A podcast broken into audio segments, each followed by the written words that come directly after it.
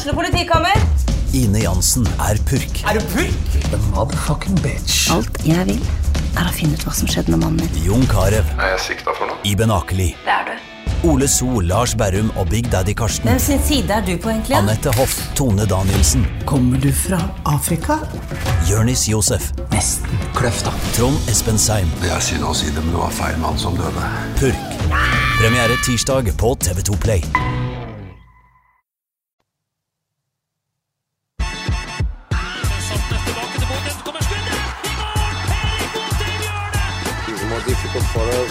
Than for Bodo Blo- boys.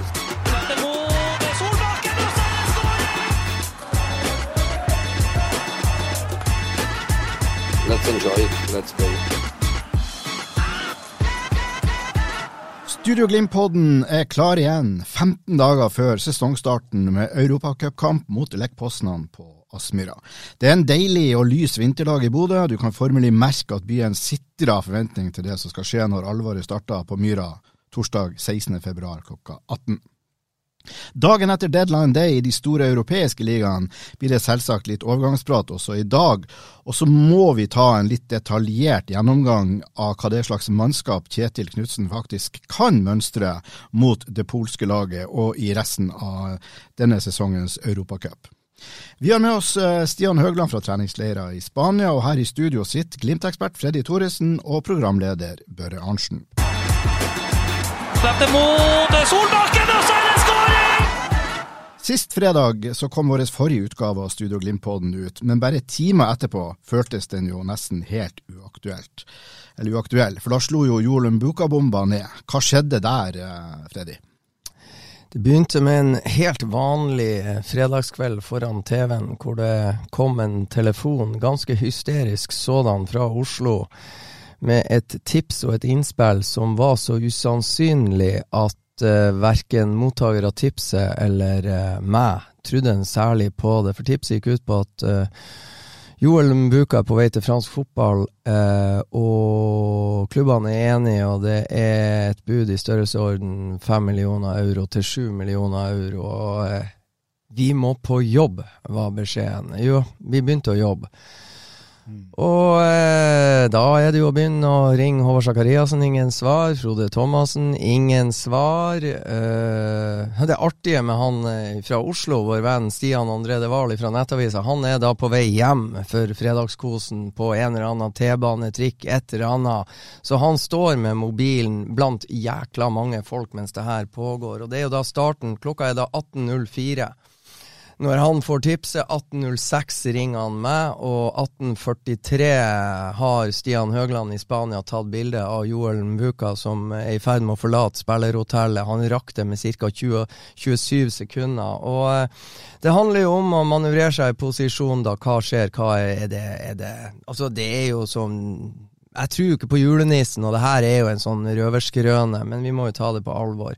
Zakariassen svarer ikke, Thomassen svarer ikke når eh, styreleder Inge Henning Andersen. Han var noe bisk og slo fast at det der kan ikke han eh, kommentere, det må jeg ta med sportslig ledelse i Bodø-Glimt. Prøve en ny runde med herrene Thomassen og Zakariassen. Det har gått en tre, fire, fem, seks, sju, åtte, ni, ti minutter siden sist jeg prøvde.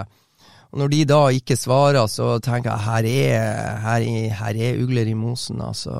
For de pleier av og til å ta telefonen bare for å bli kvitt meg. Det velger de da ikke å gjøre nå. Uh, så vi jakter nå videre. Har jo en del um, spillere i troppen som jeg prøver å få tak i. Har de hørt noen rykter og tjo og hei? Jeg når De er jo opptatt, og ingen svarer. Så er det da én som svarer. Har, ikke, har du sett noen ugler i mosen om Mvuka? Nei, ja, er han på hotellet? Ja, se da. Har han prata mye i telefon, eller noe sånt? Nei, vi har jo enkeltrom, så det er jo bare å gå inn på rommet og ta telefoner uten at noen merker det. Så sier jeg, ja, ryktene sier at han selges til fransk fotball for mellom fem og syv millioner euro. Da fikk vedkommende fart på sakene. Så det var jo en liten sånn der eh, Ikke så lenge etterpå Ja, jeg skulle sjekke litt. Ikke så lenge etterpå, så eh, Ca. 18-17 så jeg Så det er mye som skjer på kort tid, men jeg må slå opp og se 1817 ja, Du kommer inn, Stian, for du ble jo oppringt du òg, rett etter at jeg får den meldinga 1817. Det skjer reiser nå. Kødda du, eller? Nei, fakta. Tror han blir hentet om 10-15 minutter. Da begynner jeg å resonnere. Dæven, han Stian må ikke være på noen kolonialbutikk og kjøpe sånn der Pepsi Max nå og litt potetgull til fredagskvelden. Det må han ha gjort etter trening. Jeg ringer Stian, så kan jo du ta det videre. Ja, jeg ser jo at jeg får telefon fra Freddy 1817 og sier eh, hva gjør du? Nei, jeg ligger på sofaen og ser Norge i, i håndball. Slipp alt du har, røkk med deg kamera, kom deg opp på Glimt-hotellet. Joel Umbuka selges. Jeg bare hæ? Jeg har ikke tid til å forklare, bare kom deg opp dit. Fort som F. Så jeg røkker med meg mobiltelefon og Mac og kortleser ut i bilen, kjør, eh, kjør eh, ganske over fartsgrensa opp til eh, spillerhotellet. Der står Joar Ombuka og tar avskjed med Brise Magomo, Albert Grønbæk og Amal Pellegrino. Spurter bort, tar et par bilder til Joel, hva som skjer? Jeg kan ikke si noe. Går, så går han inn i bilen, lukker igjen døra, de får en high five, jeg sier lykke til, og så drar han. Så det var, Jeg og Fredrik snakka om det, hadde jeg bodd 500 meter lenger unna, så hadde jeg ikke nådd der. Det gikk jo heldigvis bra sett med uh, Anøya. ja, ja greia, greia, er der. Du vet ikke om du skal ta tipset seriøst fordi at det høres så insane ut. Uh, men uh, når man får ferten av at han forlater hotellet, så, så, er på en måte det bekreftelsen vi trenger på at noe er på gang, og at ryktene der er det, er det hold i. Og så lenge vi får de bildene, så har vi det vi trenger til å på en måte peise på.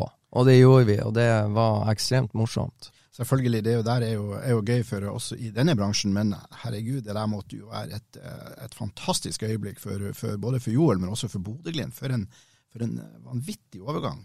Ja, Nå var ikke jeg utafor hotellet, men jeg regner med at Stian Høgland observerer at det kiler under føttene på Joel Mbuka når, når bildene blir tatt.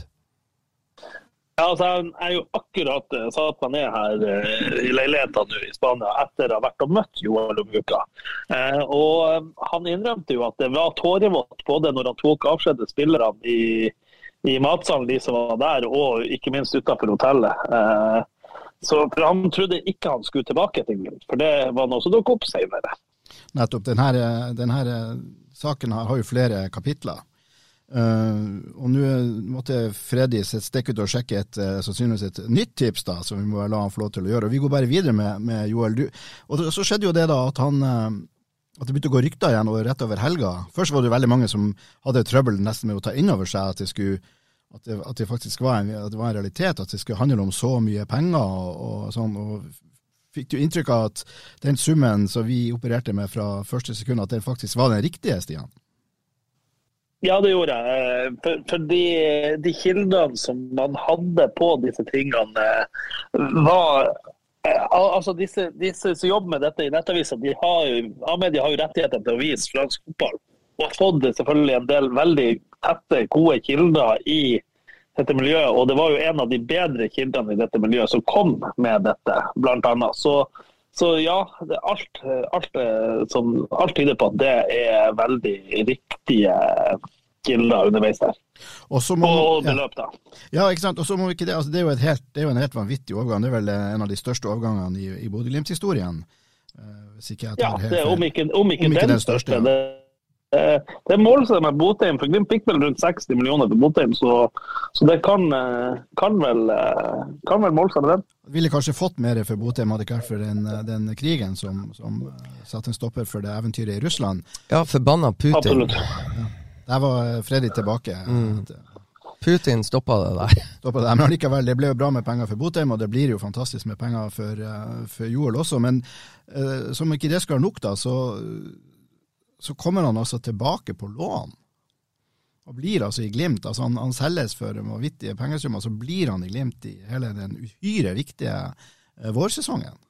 Det er jo, en, eh, det er jo nesten et, en eventyrlig eh, måte å organisere det Ja, selge han for 60 millioner, få han tilbake og bruke han vårsesongen. Smart, uh, smart løst. Uh, fiffig, jeg så ikke den kom. Uh, og så er det vel fint antageligvis for Joel Muka å ikke komme inn i Ligue 1 i Frankrike nå når sesongen pågår. Han får på en måte forberede seg litt mentalt gjennom eh, å spille en vårsesong for Bodø-Glimt og bidra, og forhåpentligvis en liten pause før han slutter seg til treningsleir en gang på sommeren eh, med sine nye venner i Frankrike, og få være med på ei eh, sesongoppkjøring med, med resten av laget. Det er sikkert utskiftninger i klubben eh, som vil skje. Så han vil på en måte slutte seg til troppen som skal starte neste sesong med Lorient. Så det tror jeg er smart. Stian, du var jo, fikk jo tatt bildene sekundene før han dro fra leiren, og du var, har også møtt han nå når han har kommet tilbake. Kan du bare, Det blir jo selvfølgelig en flott sak på an.no etter hvert, men kan du bare kort røpe hvordan, hvordan eh, så, hadde han det nå, da? Og slutta seg til laget? Han var, han var blid, han var smørblid, Joel. og ja, han, han forklarer han, Jeg gleder meg til å sette meg ned og skrive etterpå. for Han, han forklarer jo i, i, detalj hva som skjer. Han får vite om denne, at det kan gå mot enighet, får han vite på kvelden etter Glimt slår, nei, spiller 0-0 mot Kalmar. Eh, og han får vite to timer før han skal dra at de er enige. Han skal fly om øh, Han kan dra om to timer. Um, så flyr han da til Madrid og videre til Paris dagen etterpå. og så er transportstreik, så det tar litt tid for å komme seg til Lorient. Og så er det jo denne medicalen som tar litt tid, for han har jo de, disse hjerteproblemene. Eller han har det hjerteissuet, ikke noen problemer som, som er viden kjent. Og Det ble jo selvfølgelig en greie på medicalen, det visste han jo. Som han sier, det kommer til å forfølge han hele livet. Så Der tok det litt tid, og så begynte det å komme rykter om at han var feila medical, og så var det fake news og noen som beit på. og ja, nei, det er mye styr. og Veldig glad. Han visste, når han dro, visste han ikke at han skulle tilbake til Bodø. Det var noe som kom opp etter han hadde signert for Lorient. at eh, Kanskje kunne det være en idé, for de ville da låne han ut og ha han som Freddy sier, klar til prisisen i Lorient. Så, så da endte det opp med at at å låne han ut til Bodø ville være det lureste, og det var aldri noen andre alternativ enn å låne han ut til, til Glimt. Da. Så eh, det var eh, Det har vært noen hektiske dager for en ung gutt som, eh, som nå er Men han meldte seg klar til å spille i morgen hvis Glimt vil bruke han mot Wiborg. Det er jo sånn som, liksom Tenk tilbake på forrige, forrige torsdag, da vi så kampen mot Kalmar. og og så Joel spille der. og Det slo meg, det slo meg liksom ikke at det der var en 60-millionerspiller som Glimt nå kom til å Du må følge med, Børre. Det var du som satte børsen. Hvis ikke du så at det der var Glimts neste 60-millionerssalg, så må du, må, må du, ta på deg nye briller. Ja, jeg, må, jeg, skal, jeg, skal, skjerpe meg. Jeg skal se, muligens sette børs i morgen. Jeg skal, jeg skal virkelig Ja, Vi må faktisk spørre han Stian som så kampen live, for det gjorde ikke vi. Så du det? Du så det var 60 millioner i de føttene der? Det så alle som var på stadion. Nei, men Det er det som er så eh, Bare for å sette ting i perspektiv. altså Det, det, det, er, det er, ganske uvirkelig sånn å smake på det der 60 millioner lånes tilbake. Dealen kan havne opp på 70 millioner. og Bare for å ta Vålerenga, som da i går selger eh, Osame Sarawi til Herenfen for rundt 20 millioner. altså Prisen på Joel Mbuka er tredobbelt så høy. Uh, og så kan man jo også synes det er fascinerende. Men det, det, handler vel litt, Stian, med at uh, kontrakten til Osame Sarawi uh, går ut uh, etter 2023, tror jeg, så det presser jo prisen litt ned. Men det, det er med å sette ting i perspektiv og, og, og, sånn for oss som fabulerer på de her tingene. Og, og når da Karlsbakk, som var så frekk og skåre mål på Aspmyra i den hysteriske 5-4-kampen for Viking mot Bodø-Glimt Summen på han er borti ti millioner høyere nesten enn eh, Osame Sarawi, også til Heren-fans. Og det, det, er veldig interessante dimensjoner. Og Det som jeg syns er artig å registrere, det er at norske klubber synes å få bedre betalt. Det har forundra meg at uh, svenske spillere går fra allsvenskene og ut for høyere summer enn i Norge, og i Danmark er summene enda høyere når danske klubber selger. Så jeg syns det er utrolig gledelig, ikke bare for Glimt sin del, at uh, Mbuka forsvinner for de summene han astronomiske summene der, men også at andre norske klubber får bedre betalt. Det tror jeg kommer alle norske klubber til gode på sikt. da. Men tenk på Åsane, da, som får eh, Det, det snakkes om en videresalgsklausul på 20% De får jo masse penger, de òg. Det, det, er jo et eventyr for den eh, bergensklubben. Det må være den største overgangen i deres historie. Det er den største overgangen i deres historie, ja. 10-12 millioner kommer de til å rulle inn på konto til dem, og det syns jeg jo også er steike artig, da. Ja, det er et eventyr det syns Joel Uvuka var utrolig trivelig og utrolig fint at Åsane, som hadde betydd så mye for ham, satt igjen med en fin pengesum. Og vi må huske på det at eh, Joel Mvukas karriere kunne vært over fordi at han blir stoppa av en eh, legesjekk og disse hjerteproblematikken. Og Åsane som klubb gjorde en enorm jobb med Sindre Kjelmeland i spissen, som nå er starttrener, også en god eh, kollega, Kjetil Knutsen. Kjelmeland og staben i Åsane gjorde en enorm jobb for å få Joel Muka til de ekspertene som han måtte undersøkes av bl.a. en lege i Tanzania osv., som, som på en måte kunne sett, eh, gi norske leger en litt dypere forståelse av at en del afrikanere har et hjerte som er litt større, og, og, og eh, på en måte jobber på en litt annerledes måte. Og, så etter å ha nærmest ikke spilt fotball og trodd karrieren var over i et år, så, så jobber Åsane med saken og får det der kartlagt på riktig måte og gjør at uh, Joel kan uh, bli med Åsane til Ullkisa og spille en bortekamp i Obos og få fart på karrieren hans igjen.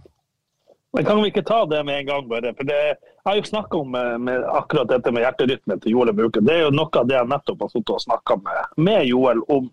Så kan vi jo røpe hva han sjøl sier. For, uh, han kommer da på medical og skal ta EKG. Og der slår hjertet annerledes enn det gjør hos alle andre. Og da blir det litt sånn uh, Hva skjer her nå? Selv om Lorian er, er klar over problem, problematikken. Så der stopper det opp litt. Uh, så blir det litt sånn frem og tilbake. Og agenten til Joel og Joel sjøl sier men hvis jeg får lov å ta en ny EKG, hvor jeg er i bevegelse, hvor jeg er i fysisk aktivitet, så skal dere se. Så, så, gjør de det, da. Tar en ny med EKG mens Joel jeg vet ikke om han er på mølle eller hva han er, men han er i aktivitet. Og da slår hjertet helt fint. Eh, og som han sier, det er sånn han er. Det er, sånn han er. Det er ingen fare, fare, det er det de har funnet ut, eh, disse legene. Eh, og han er helt frisk. Og det her er noe som kommer til å følge han hele livet. I enhver medical han skal i, så kommer alle til å finne akkurat det samme. Så der var det Det var det som tok litt tid med, med medicalen, at de rett og slett skulle ha dobbel EKG-testing for at han måtte også være i aktivitet. For en, egentlig en vidunderlig historie. Der er det også et litt artig pikant poeng her at uh, Kjetil Knutsen da er med på å gi masse masse penger til klubben som sparka han for, for, noen år siden. Det må jo også føles sikkert litt godt for han. Fryktelig ironisk i det hele, hva? ja. Ok, vi, uh, vi, skal prate om, om boka flere anledninger, men vi setter vel en foreløpig strek der nå. Og så kan vi heller si noe som kanskje ikke var fullt så bra med overgangsvinduet. Det var at det kom ingen keeper inn. Og det kan kanskje bli en større utfordring enn både vi og, og Glimt hadde regna med, Freddy? Ja, eh, Leopold Valstedt eh, har jo vært navnet eh, førstevalget til Bodø-Glimt. Kjetil Knutsen liker han godt, og i går ish bestemte svensken seg for at jeg gidder ikke å vente på at Odd og Bodø-Glimt skal bli enige. Jeg blir i Odd, ferdig med det. Case closed. Nå har jeg, Stian eh, Jeg stakk av eh, fra studio, for jeg fikk en telefon fra eh, Spania. Og der fikk jeg bekrefta at Glimt er på jobb i dag og i kveld med tanke på å få tak i en ny keeper når Leopold Wahlstedt har eh, glippet ut av hendene på dem. Det er jo kjipt at keepere Glepp keepere skal jo sitte i fast grep, eller sørge for fast grep eh, når de er ute på banen. Men eh, Glimt jobber, så det var en oppfordring eh, til både deg og meg, Stian, at vi må faktisk følge litt med. Det, det, skal jeg gjøre. Og der er det sånn at, eh, som du sier, Fredrik, Leopold Valstedt eh, takka meg i går sjøl, eh, uansett hva klubbene sier. Eh, eh, og, så, er det jo sånn at Glimt hadde jo en portugiser på prøve, Ricardo Silva. Sto jo en omgang mot Junken. Eh, han kunne jo vært et alternativ. Det sa jo Glimt hele veien, at han ikke var avskrevet fra, fra Glimt da de skulle se, se hva, de, hva, som dukka opp ellers. Ricardo Silva signerte for ny klubb i går, så han er da heller ikke aktuell for Bodø-Glimt lenger. Og sånn som jeg forstår det, så er ikke Ricardo Friedrich aktuell for Bodø-Glimt heller.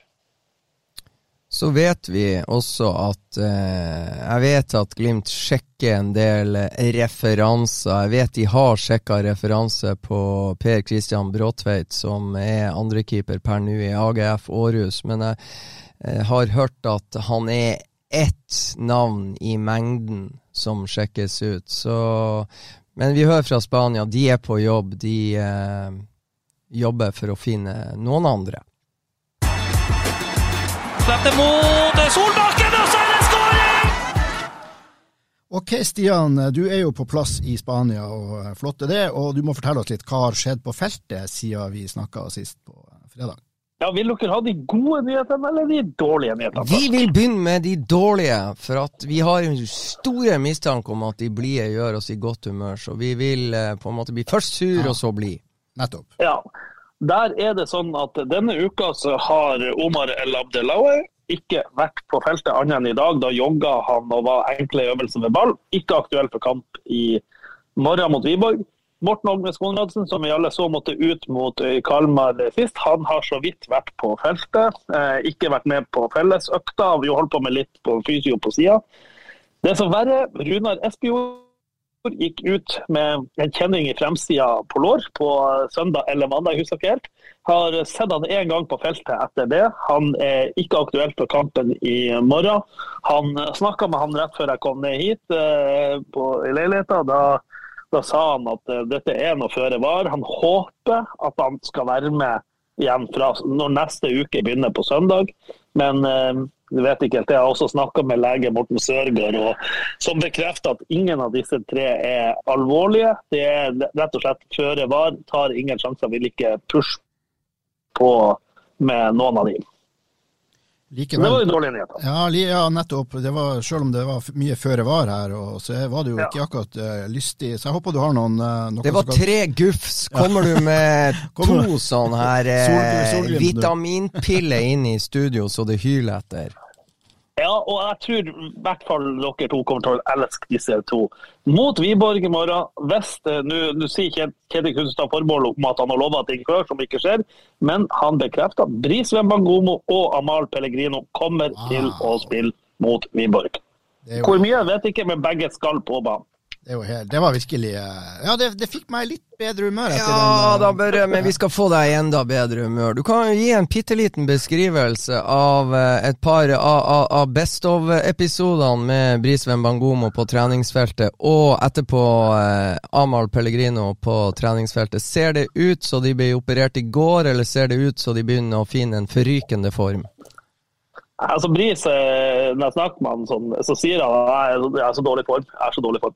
Men jeg syns altså, Bris jeg syns han er så god. Og på høyresida der, han drar seg fri. Ja, han, eh, altså, han, han, han ser ut sånn som Bris på venstresida, men nå drar han seg innover i banen med, med høyrefoten. Nei, vet du, jeg, jeg, jeg er litt sånn Bris Bangomo-fan. Jeg, jeg elsker en back som, sånn som jeg er med Fredrik Anne Børskan, som, som selv om du av og til mislykkes, at du tør du, så kjører du på og, og dribler bak der og skaper de overtallene som, som var en funn for Glimt i fjor, og som Fredrik André Bjørkan var en, eh, ja, en, en garantist for eh, i sesongene før. Så hvis Glimt skal ha to sånne backer som skaper overtall bakfra, ja, lykke til, sier jeg, og, og dem opp for de. Det, det kan bli gøy.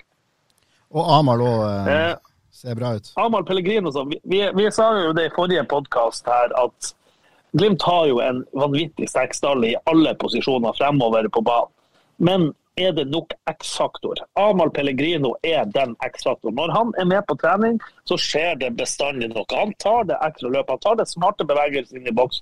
Han slår den døråpnerpasninga. Han gjør de, disse litt sånn eh, tingene som kanskje ser ekstremt enkelt ut, men som vi har sett både mot Viking og mot Kalmar at Glimt ikke har hatt. Den som har gjort noe ekstra og plutselig vært alene med keeper, eller satt opp en lagkamerat alene med keeper. Den X-faktoren har Amahl Pellegrino, og den har han visst også på trening mot egne lagkamerater. Selv om han nok ikke er på 100% for øyeblikket. I sum må jeg vel si at det her var en bra rapport, eh, Stia. Det en, det er en eh, Ja, den eh, gjør meg litt optimistisk.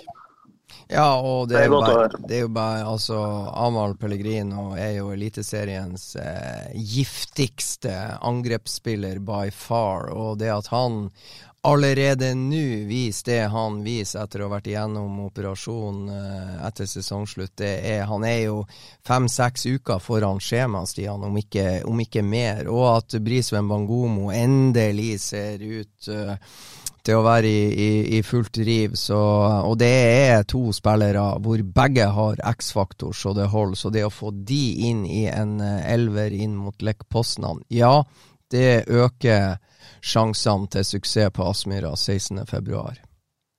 Uh, før jeg slipper deg, Stian, uh, bare helt kort. Kamparenaen i morgen er jo skifta bane. Er det pga. Vind eller baneforhold, selve banen, eller er det begge deler?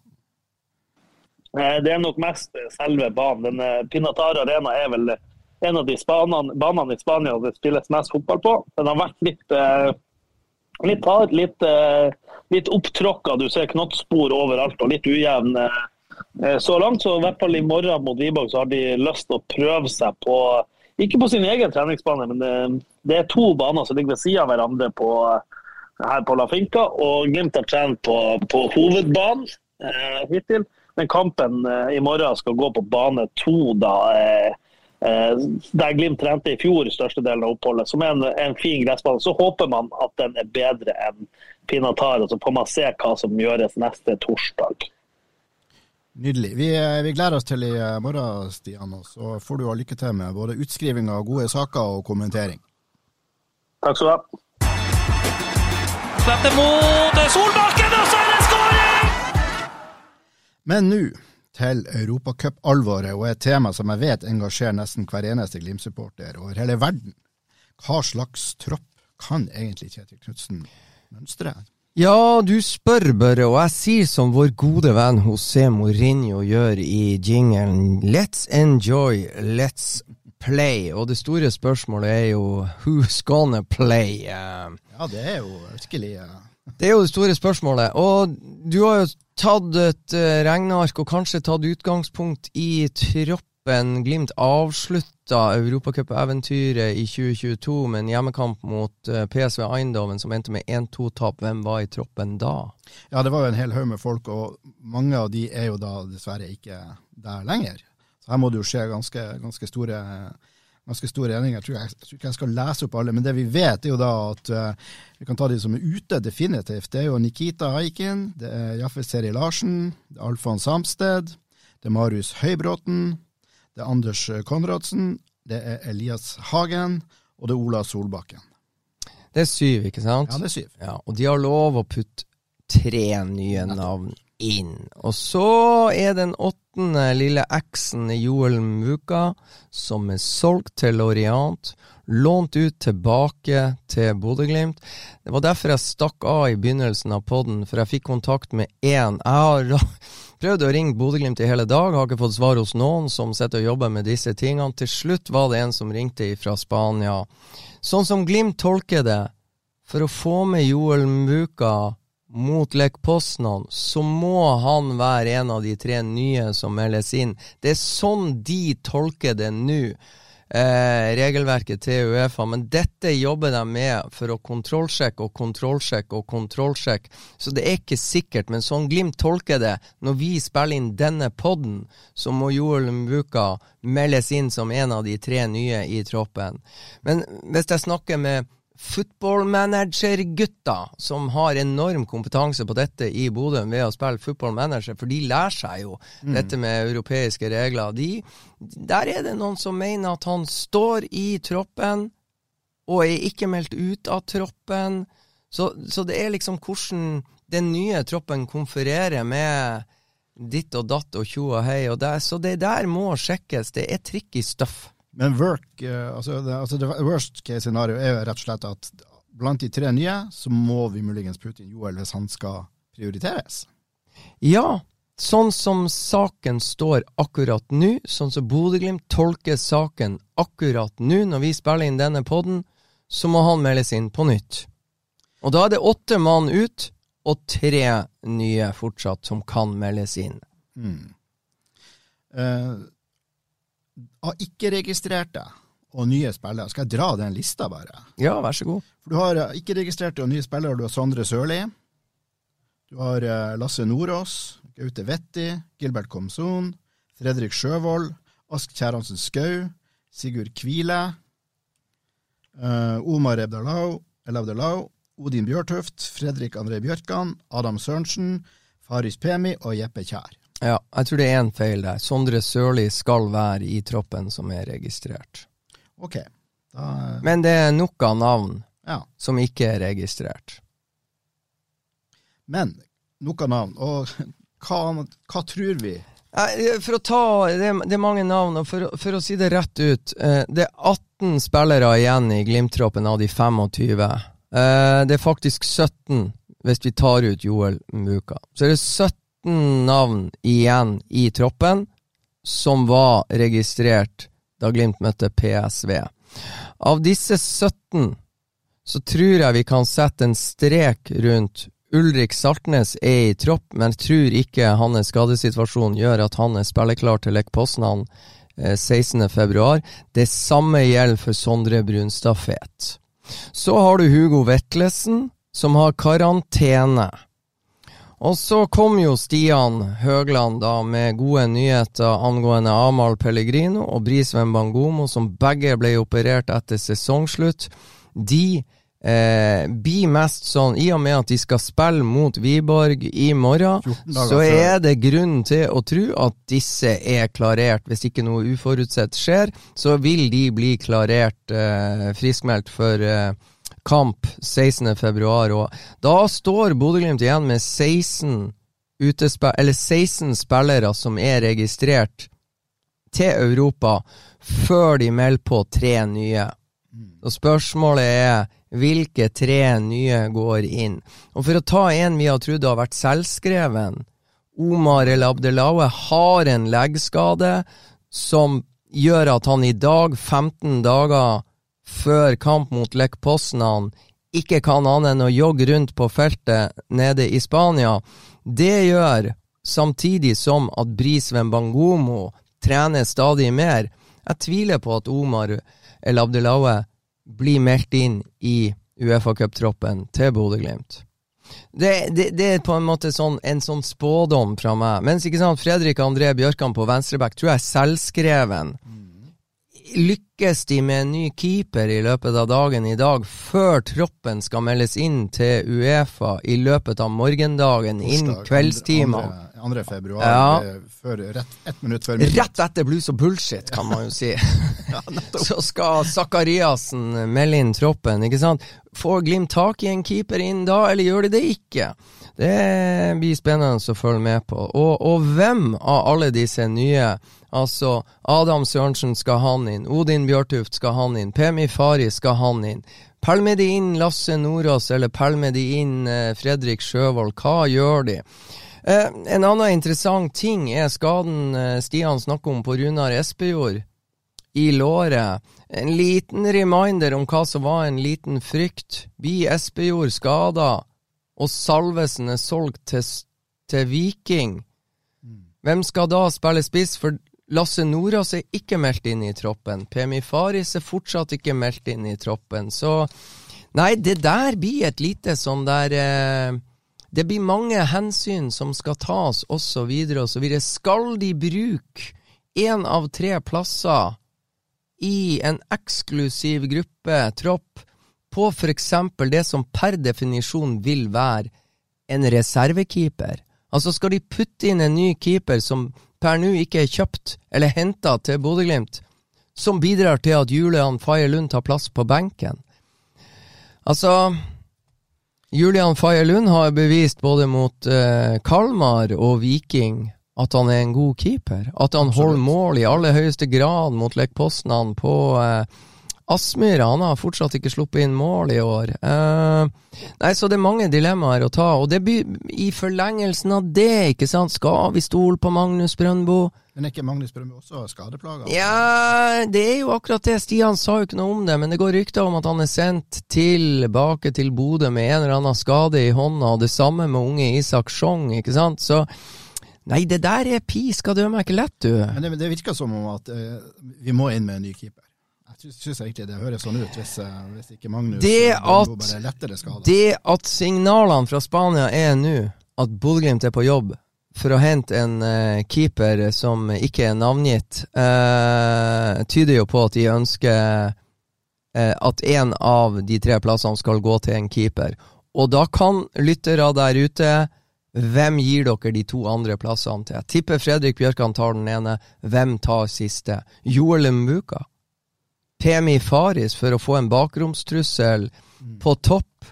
Altså, det er mange Ja, du må på en måte bite deg litt sjøl i ræva, tror jeg. Det, det, er Det er vanskelig å komme med noen fasit. Men det som er helt sikkert, det er den troppen som blir meldt inn i morgen før midnatt.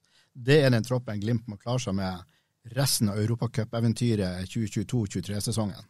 Og Børre, forrige europacupeventyr i fjor på denne tida, mot Celtic, mot AZ Alkmaar og mot Roma. Det var en tropp som i utgangspunktet var på tannkjøttet før kampene mot Celtic starta. Det ble seks i tallet, og, og, de var på tannkjøttet da, og de kommer mest sannsynlig til å være litt på tannkjøttet allerede nå. De har 19 spillere til slutt som de kan stå igjen med, tror jeg. Eh, pluss noen unggutter, kanskje.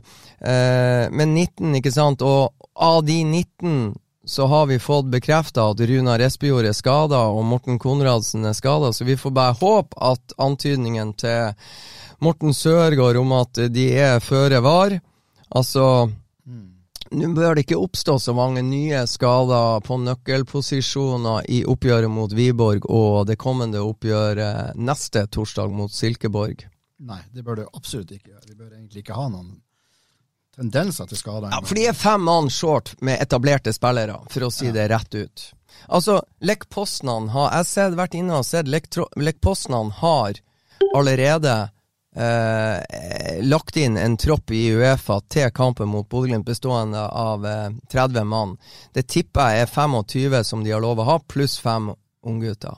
Så troppen til Lech Poznan ligger inne på Uefa sine sider. Bodø-Glimt ligger med ingen, og bare der har, har nok eh, Lech Poznan fem eh, etablerte spillere mer enn det Bodø-Glimt har.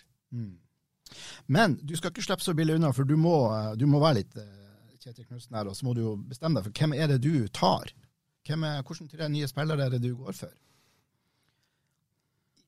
Ja, jeg hadde jeg, altså, Fredrik Bjørkan er udiskutabel. Eh, så er jeg Så er jeg veldig Jeg er veldig usikker. Jeg er veldig usikker. De har fire midtstoppere, så jeg ville ikke brukt uh, Odin Bjørtuft, selv om han har sett veldig bra ut. Mm. Du, eller du har fire midtstoppere som allerede er i tropp, og Det er nok. Jeg vil ikke ha Jeg ser ikke noen grunn til å ha fem midtstoppere. Uh, så du Um, jeg vil nok ha lukta på uh, PMI Faris på Jolum Buka Uh, da må uh, Skal de Altså, hvis Jolum Buka ikke skal inn, da er de avhengig av um, Nino Sugell. Da må han uh, vise tenner i, i de her to kampene. Gilbert Komson jeg hører han har vært eh, ganske Nei, han var utlånt Han var utlånt til Ålesund. Ja, altså, han, han, ikke, han, er ikke her, han, han, altså, han må eventuelt melde seg inn. Ja, ikke sant? Men jeg hører, jeg hører, noen si at han har gjort det ganske bra i Spania. Det, ja. ja, jeg forholder meg ikke til Jeg så, så uh, Gilbert Komson var god på trening i Spania i fjor.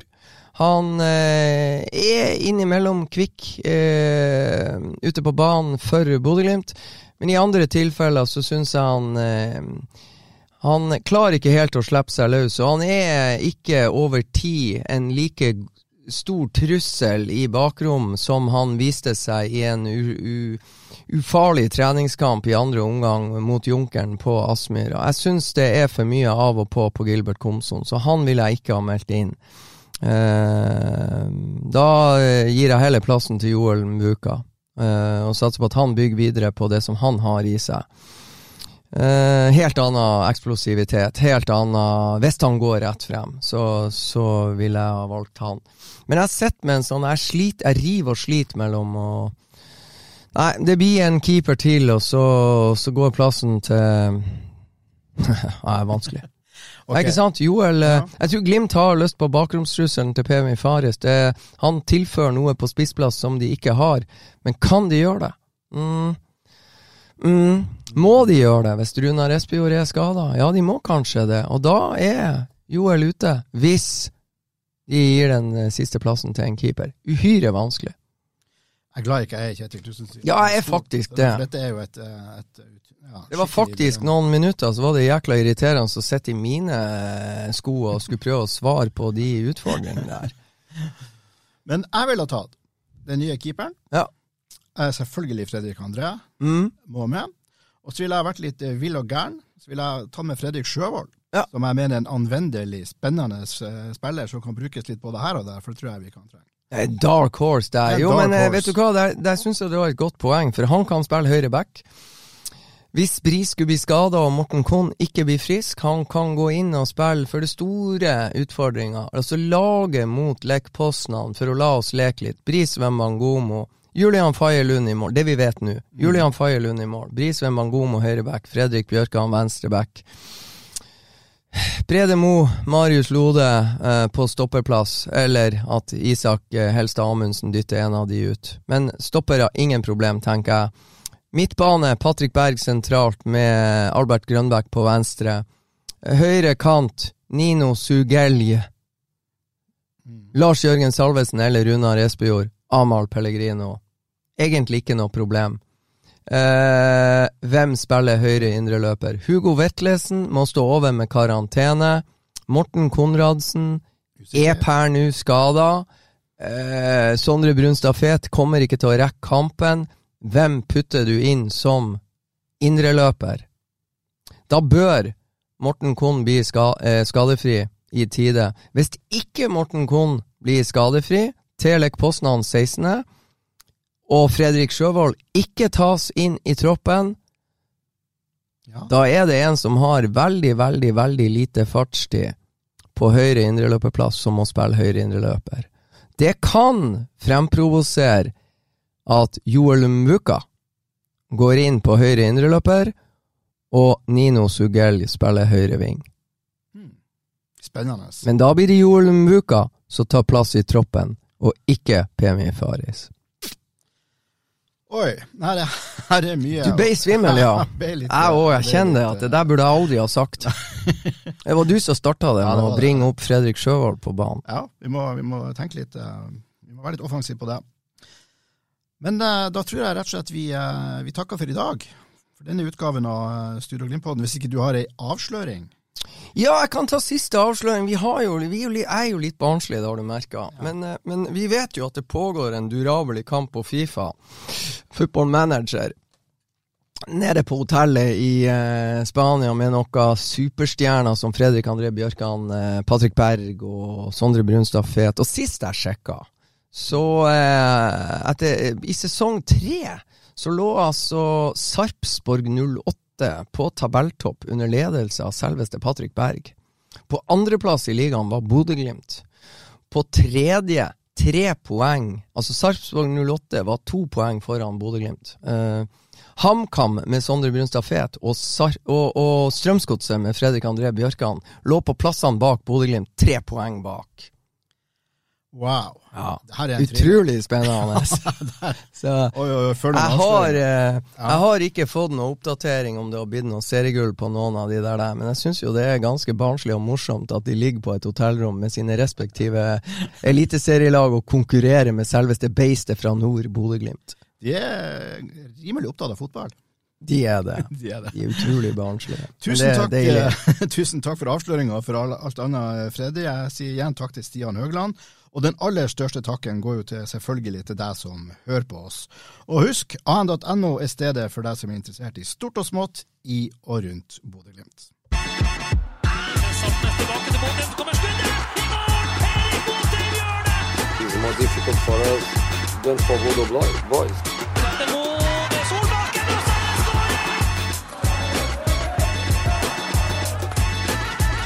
Let's enjoy it. Let's play.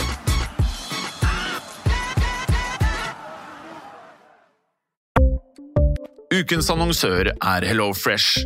HelloFresh er verdens ledende matkasseleverandør og kan være redningen i en travel hverdag.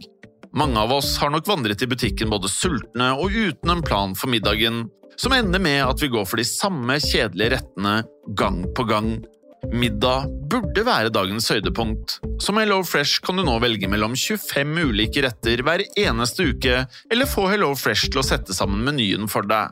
Dette gir deg muligheten til å prøve nye og spennende retter alene eller sammen med familien. Du velger antall porsjoner og får alt levert på døren på et tidspunkt som passer for deg. Oppskriftene er enkle, og maten er lett å lage både for store og for små. Ved å få alt levert hjem får du også mer tid til å dele matgleden med familie og venner.